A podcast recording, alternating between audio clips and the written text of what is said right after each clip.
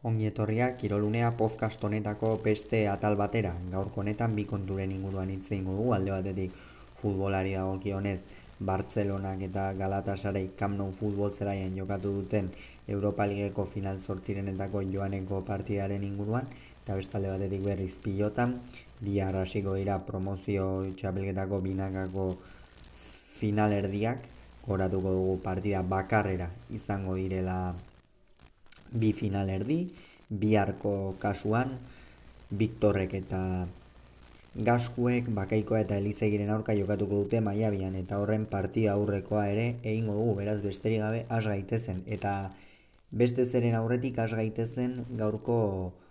ba, Europako beste emaitzak esaten ez da azkenean ez dute bakarrik Bartzelonak eta Galatasarei jokatu beste talde asko ere jokatu dute eta hauetxek izan dire emaitzak. Sevillak bat eta utxira bazidio West Ham ipizkoanen,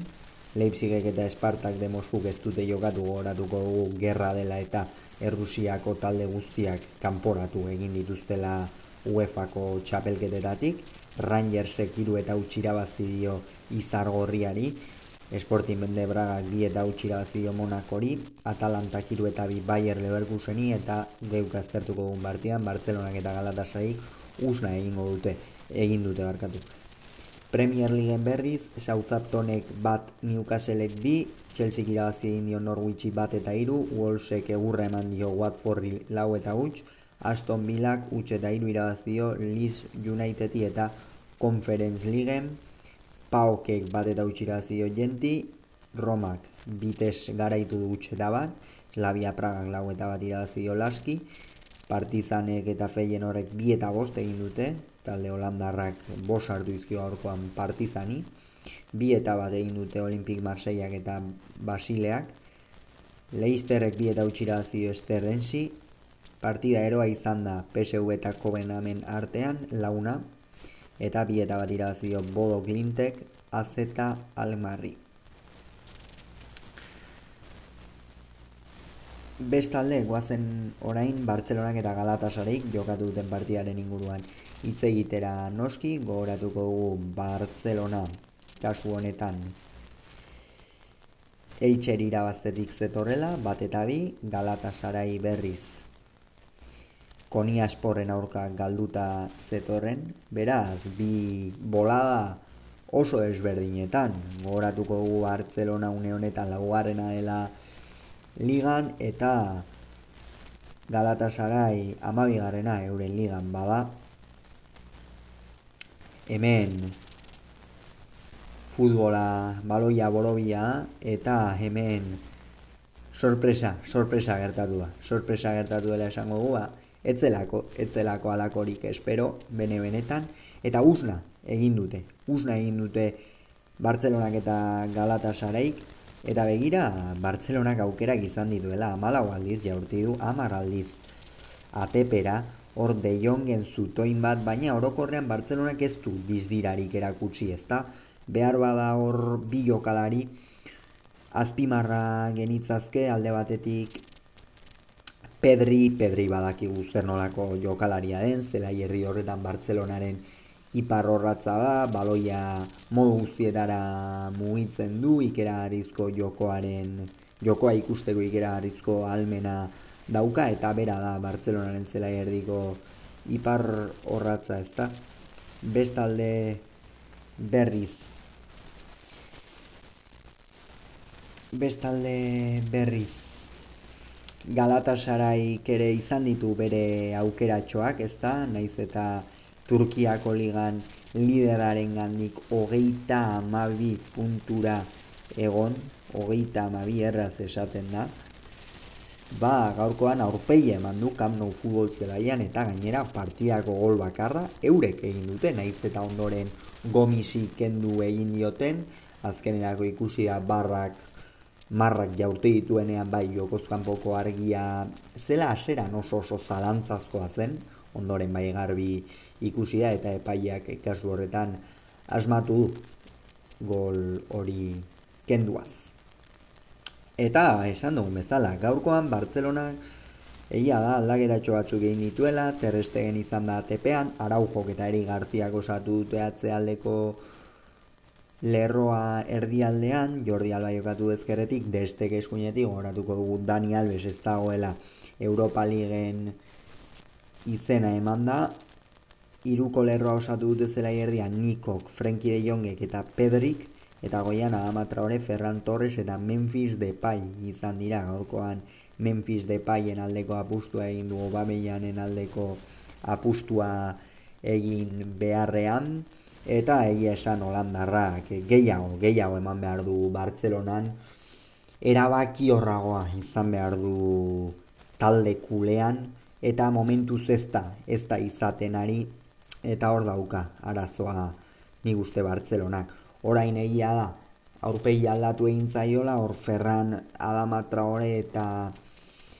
Obameianen iritsierekin, baina gaurkoan ere ikusi da, ez da, Usman den bele atera denean ere mehatxu gutxi jaurtitzerako garaian, bai, kalitatea eta erakusten dute, baina mehatxu gutxi jaurtitzerako garaian, Adama Traore ere azpimarratu behar da, bai, izkin egiterako garaian eta abiadura hartzerako garaian oso ona, baina ondoren errematatzerako garaian zer. Eta hori da Bartzelonei falta zaiona, azken partida hauetan egia da ez duela edukia, azken partida hauetan golak egin ditu, gainera Atletico Madrid lau egin zizkion eta Atletici ere beste lau egin zizkion, baita Valentziari ere, egia da irun horri hauketan lau gole egin dituela, baina beste txispa bat falta zaio alde horretatikan, eta gaurkoan ez du hori erakutsi, erritmo estra bat sartu hartzion gaurkoan partidari, eta ez dio sartu talde kuleak, beraz,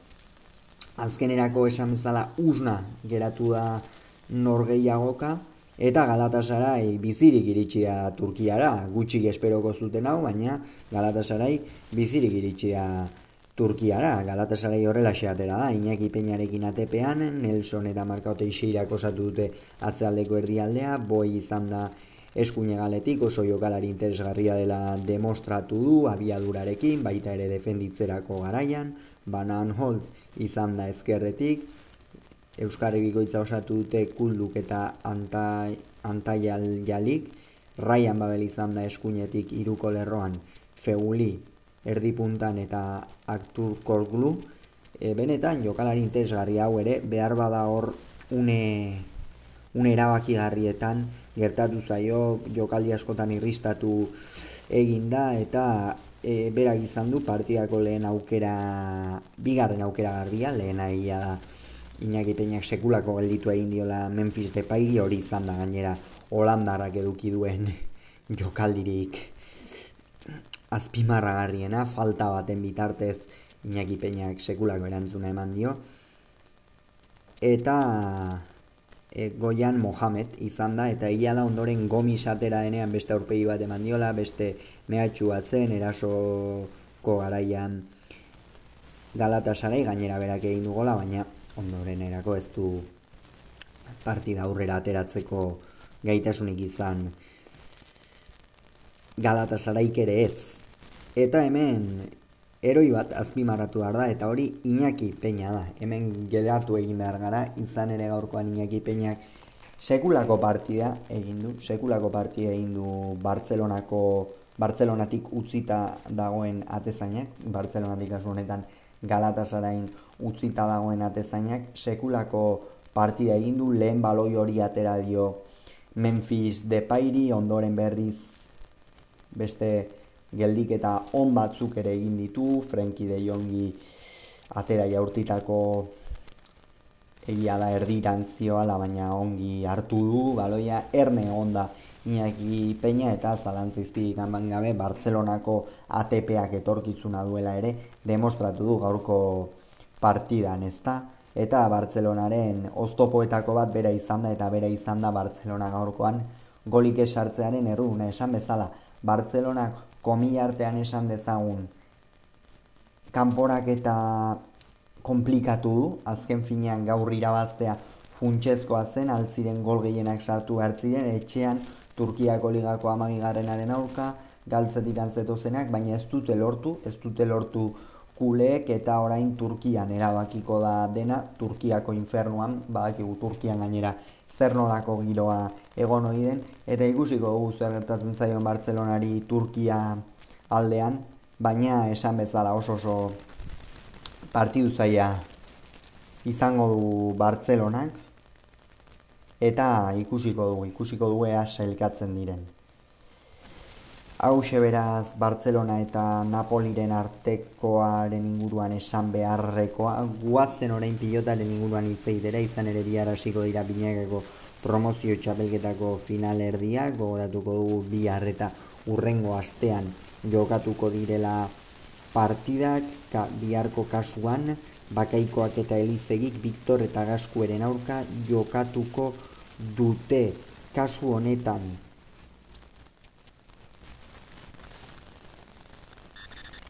Bakaikoa eta elizegi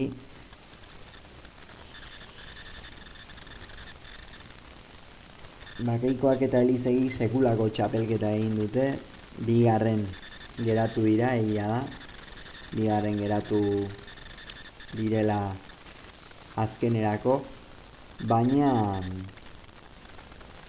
o, txapelketa oso ona egin dute oso betea batez ere, eta batez ere aipatu behar da Iker Elizegi txapelketan egin duen goraka da, ez da azkenean lehen urtean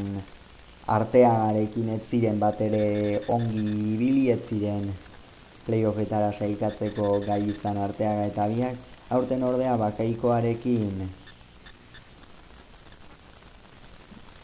bakaikoarekin ba beno. Azken finean beste beste irudi bat eman du berak ere esperientzia apur bat gehiagorekin, konfidantza gehiagorekin ere, kolpea batez ere da elizegirik nabarmenena duena, pilota oso urrun jartzen du, atzelariak askotan dominatzen ditu, eta bihar ere hori egin beharko luke, printzipioz behintzat andoni gaskue dominatu egin beharko lukeatzeko kuadroetan eta bakaikoak ikusi dugu elizei dominatzen duenean bukatzeko erraztasun handia duela. Eta horretaz gain gainera defentsa. Ikera herri hona du ez da bihar Viktorrek ez ditu lehengo astean bezalako hankazuloak ikusiko. Azken finean lehengo astean uri ondo etzen ongi jardun Alberdi ongi bai, baina Victor oso ongi, et baina bihar. Behar bada bakaikoak beste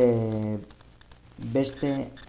zehaztasun batekin jogatzera eraman dezake Victor irabazi nahi badute Victorrek eta Gaskuek. Honekin zer esan nahi dut? Bakaikoak azkenen sekulako defentsa du eta Victorrek oso zehatzein beharko dituela jokaldiak eta horrez gain abiadura sartu. Beti egiten duen bezala noski baina bihar favorito ni uste nahiko garbiak direla bakaikoa eta elizei maiabiako frontoian, egia finalerdiak direla eta finalerdietan edo zer gertalitekela, baina iruditzen zait bihar favorito garbia direla bakaikoa eta elizei berriro esango dut. Hau beraz esan beharrekoa, gogoratuko dugu gaurkoan beste pilotan, beste albiste bat ere iritsi zaigula izan ere aron arbizu, etxarri aranatzeko atzelariek debuta egingo du asperekin, beraz hause pilotako beste albistea eta bihar maiabian lehen partidan elordik eta laiz galartzak, peio itxeberria eta tolosaren aurka jokatuko dute. Viktorrek eta Gaskuek eta Bakaikoak eta Elizegik azkenik esango dugu azken partidan Logroñon Bakaikoak eta Elizegik hogeita bi eta hamar menderatu zituztela. Viktor eta Gaskue beraz ez da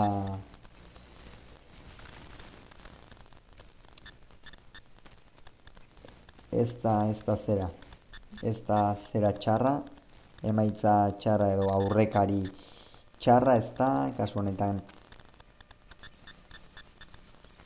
bigarren itzulian irabazi egin zieten, horatuko artea jokatu zuela orduan erizeirekin, baina lanak oso aurreratuak zituzten, eta lehen itzulian bai erraz irabazi zietela, beraz,